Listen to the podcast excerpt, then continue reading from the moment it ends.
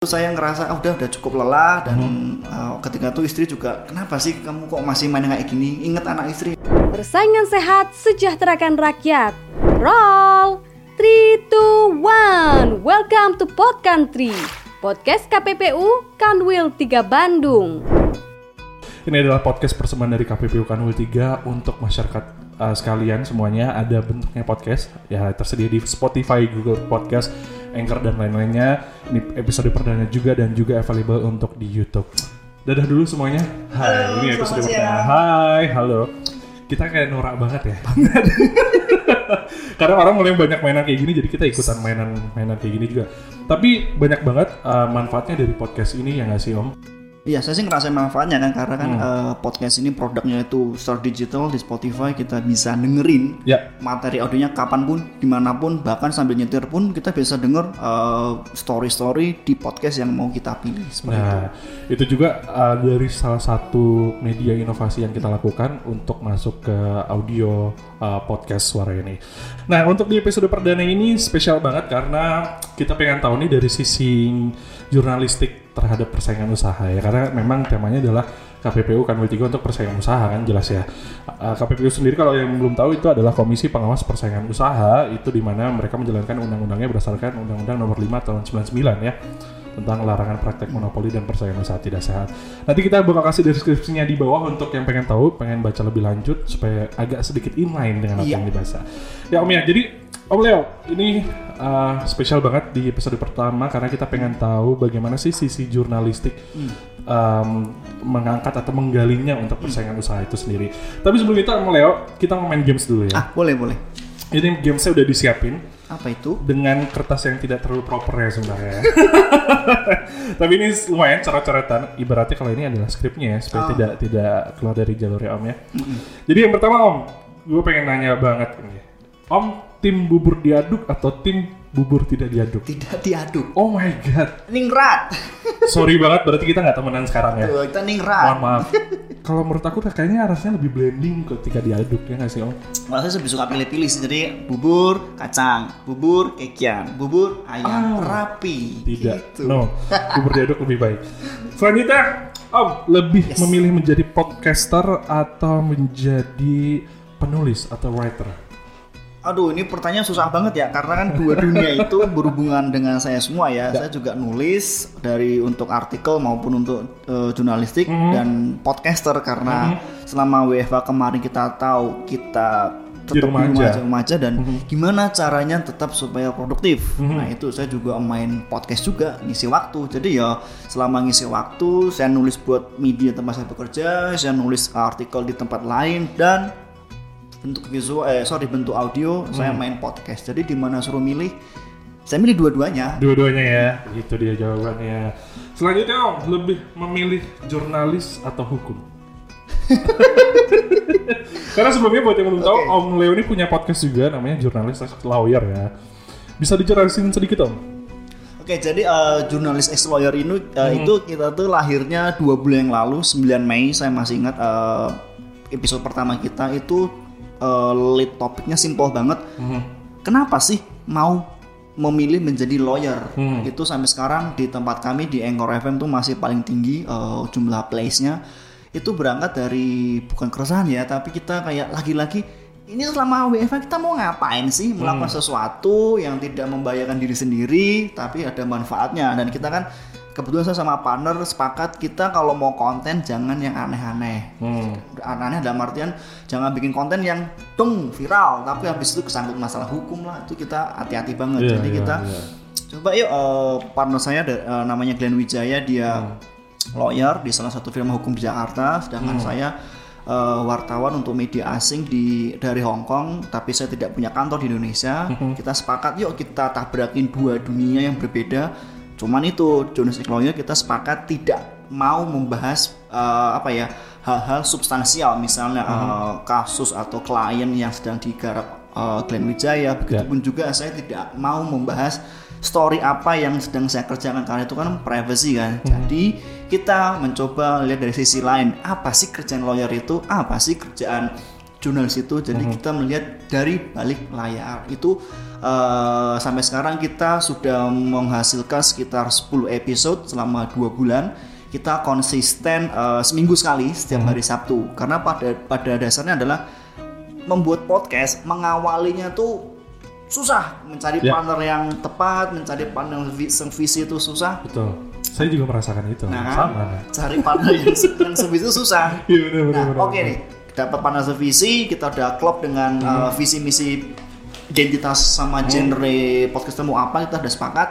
Episode pertama nih, deng, jadi, eh seneng lah, ye, ye, ye. Nah, pertanyaan berikutnya, ini kita mau bikin podcast cuma buat rame-ramean, Mhm. buat ngeksis atau mau buat seterusnya. Jadi itu kita lebih concern bagaimana podcast ini tetap hidup Hmm. dan tetap survive di tengah persaingan podcast yang lainnya. Jadi kita bermain di pasar yang cukup niche karena kan uh, pasar sempit karena kita membahas hukum dan uh, jurnalis dan lawyer itu sangat berkaitan. Jadi ya kita lebih ngembangin habis ini episode ini kita mau membahas apa, narsumnya siapa. Jadi kita terus develop uh, itu sebenarnya mikir mikir banget karena setiap minggu eh, setiap Sabtu tuh harus mikir uh, siapa ya? kita mau manggil siapa ya belum lagi topiknya apa belum lagi kita bikin fotonya untuk uh, pic Ya, artnya ya, kemudian betul. captionnya apa kemudian buat kita yang paling krusial adalah daftar pertanyaan Ya, Jadi, sama dengan yang kita lakukan sekarang ya. Betul, karena itu kan lebih semacam guideline biar kita satu tertib durasi, Ya, dua itu juga. eh, konten. Kalau kita punya daftar pertanyaan dan kita tertib menjalankan daftar pertanyaan itu niscaya konten kita akan lebih bermutu dan berbobot. Plus kemudian tinggal bagaimana kita eh, dengan narasumber itu dengerin baik-baik mana satu dua lines atau satu dua kalimat yang itu cukup menarik untuk digali lebih Ya. dalam. Jadi seperti itu. Itu teknik-teknik jurnalistik sekali ya. Jadi udah tahu dong siapa yang bikin pertanyaannya, pertanyaan seperti apa, lebih mendalam dan segala macamnya. Jadi jurnalistik atau hukum? Keduanya. Keduanya lagi ya. Ya. Nah ini eh, pertanyaan yang nomor empat nih om. Lebih milih US FTC atau European Competition Commission? Atau eh, Amerika KPPU-nya Amerika atau. KPPU-nya em, eh, Eropa gitu ya?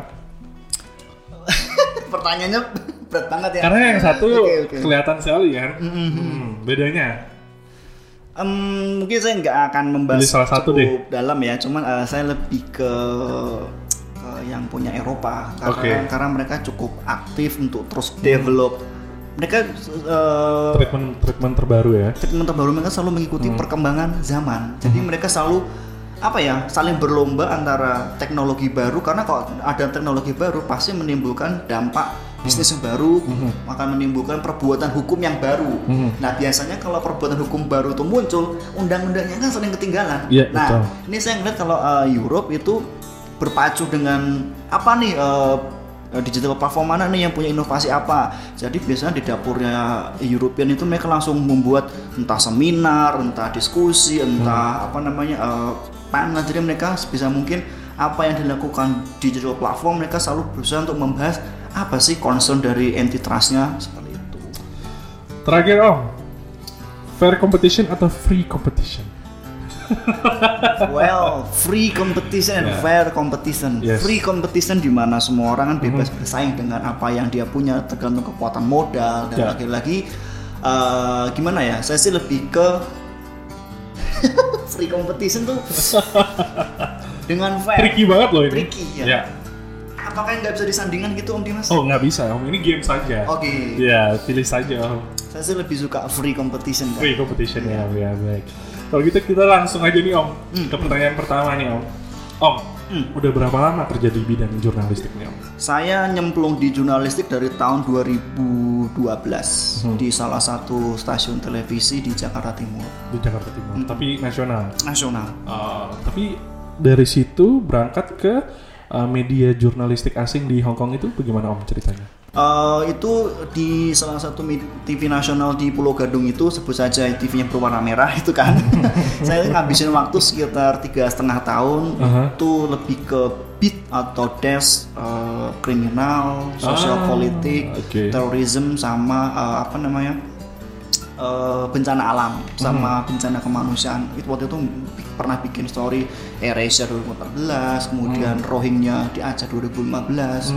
itu backgroundnya Eh, habis itu saya pindah ke eh, TVRI-nya Jepang.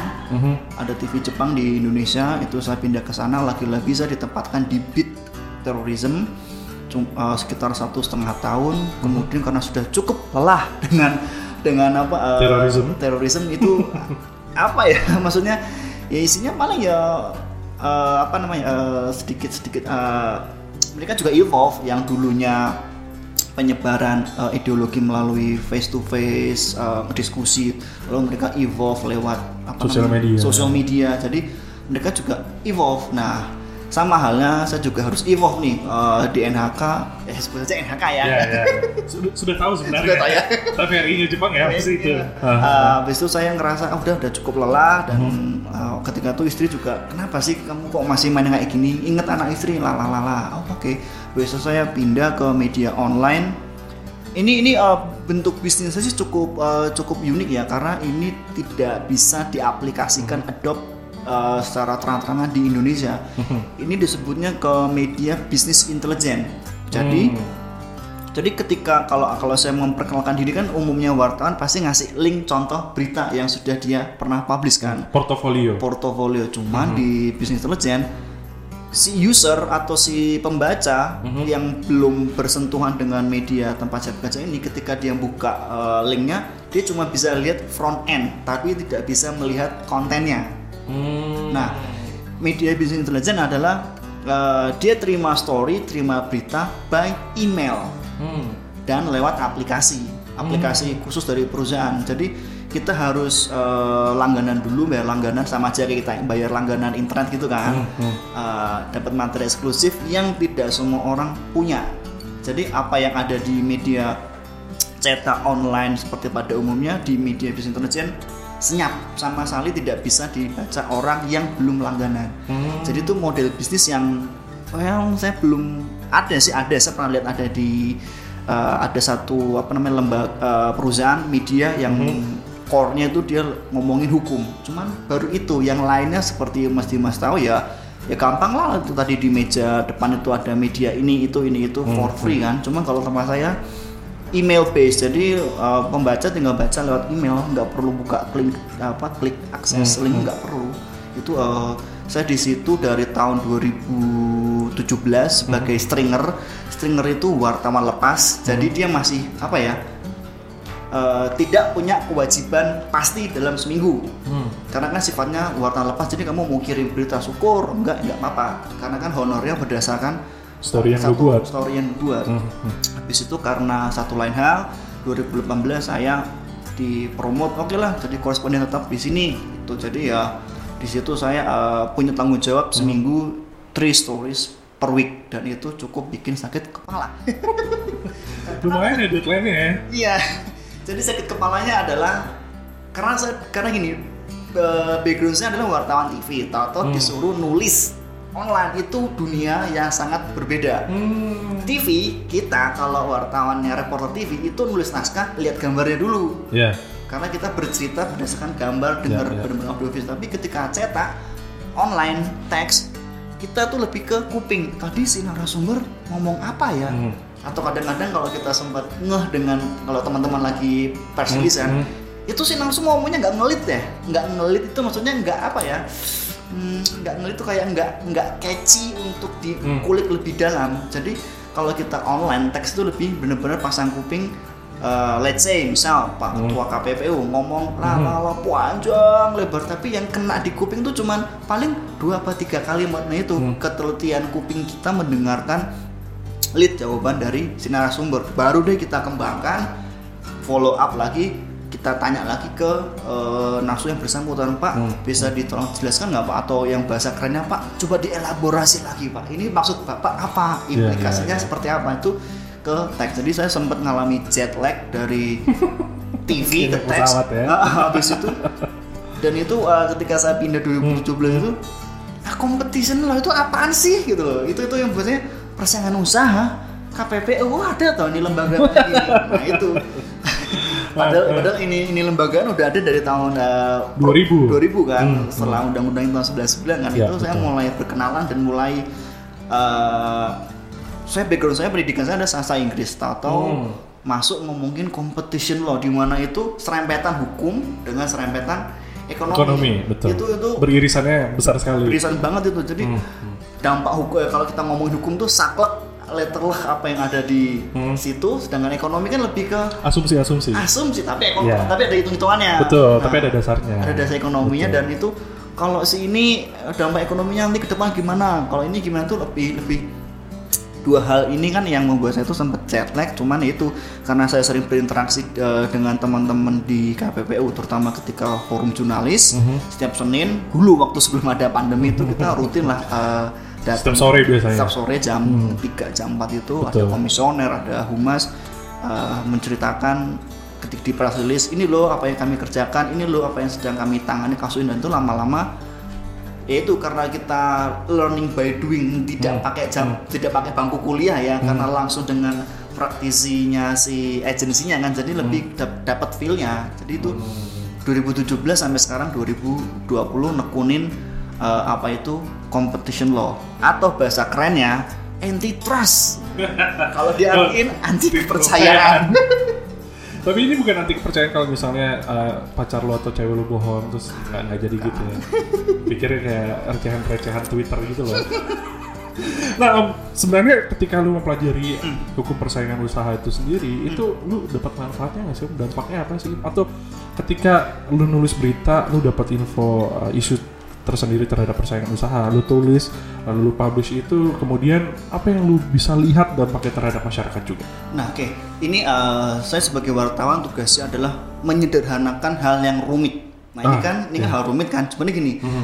eh, masyarakat atau pembaca atau siapa pun yang orang awam mengenai kompetisi lo mungkin tidak merasakan manfaatnya secara langsung, tidak terdampak secara langsung. Cuman kalau kita sebutkan beberapa merek perusahaan yang sempat berkasus di KPPU itu orang-orang baru ngeh Nah, eh, sebagai contoh deh, mm, apa ya yang paling simpel itu pengertian eh, apa sih monopoli itu, apa sih oligopoli itu. Ya. Nah, itu kan eh, permainan monopoli deh, permainan monopoli kan eh, kalau kita punya modal lebih, Mhm. tentu kita ingin ekspansi eh, bisnis kita. Hmm. Nah, di situ kan eh, kita bisa bangun rumah, bangun hotel agar orang yang lewat di wilayah kita mau bayar lebih. Hmm. Cuman kalau menurut saya monopoli itu sah-sah aja, koma asal tidak boleh ini abuse its dominant. Itu bahasa Indonesianya apa ya? Eh, Eh, penyalahgunaan posisi dominan. penyalahgunaan posisi dominan Ya. atau bahasa simpelnya gini teman-teman. Oh, mentang-mentang kita paling Iya. kuat, mentang-mentang kita punya modal gede, Abuse of power.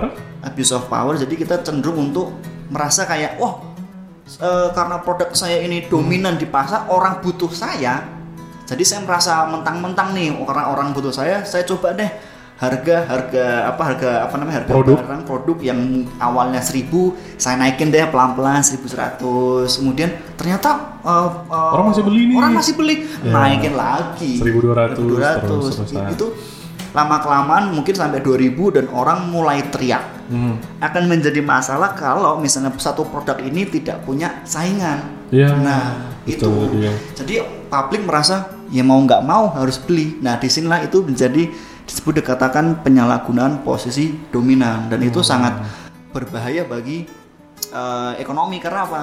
Saya sebagai pemilik eh, produk yang sangat menguasai ini saya jadi malas berinovasi itu mas. Iya betul. Karena kan ya mau nggak mau orang tetap butuh barang saya Karena punya ketergantungan. ketergantungan itu itu itu salah satu contoh apa sih eh, manfaat dari apa namanya undang-undang perasaan usaha untuk menjaga supaya tidak ada perusahaan yang dom- cukup dominan sehingga dia bisa apa yang eh, melakukan pelanggaran dalam hal penyalahgunaan posisi tawar. Itu contoh sederhana. Satu baru satu. Tapi itu yang lu rasain banget ya Om ya. Secara langsung dampaknya gitu kan yang Iya. lu tulis, lalu lu jadikan satu berita artikel. Dan selama ini kalau yang gue lihat ya Om ya, kayaknya respon masyarakat tuh bagus loh terhadap kita, nah sepa- KPP itu. responnya bagus Dampaknya. sepanjang itu eh, apa ya? Oke deh kita ambil satu contoh misalnya oke ini kita serempet sedikit ya. Kalau teman-teman pendengar sempat dengar mengenai eh, program pemerintah kemarin yang namanya kartu prakerja. Nah itu itu kan well apa ya? Eh, pemerintah tidak salah karena kan di dalam di dalam perpunya itu juga tidak menyebutkan eh, kata tender. Mhm. Tapi kan yang menjadi polemik adalah eh, apa namanya kok tahu-tahu delapan companies ini yang dipilih sama negara. Itu kan yang menjadi publik Ya. tuh gila Apa dasarnya? apa dasarnya 5,6 T di mana saat itu kita kita lagi ketika corona lagi booming boomingnya orang kan lebih butuh makan daripada apa namanya butuh training nah itu kan di situ saya melihat eh, KPPU cukup cukup apa ya cukup eh, intens untuk memantau eh, eh, isu itu bahkan eh, KPPU juga melaunch melaunch merilis beberapa statement bahwa kartu prakerja harus seperti ini ini itu ini Ya. itu lebih detail mungkin teman-teman googling jadi saya Googling, cukup ngasih ya. teaser aja gitu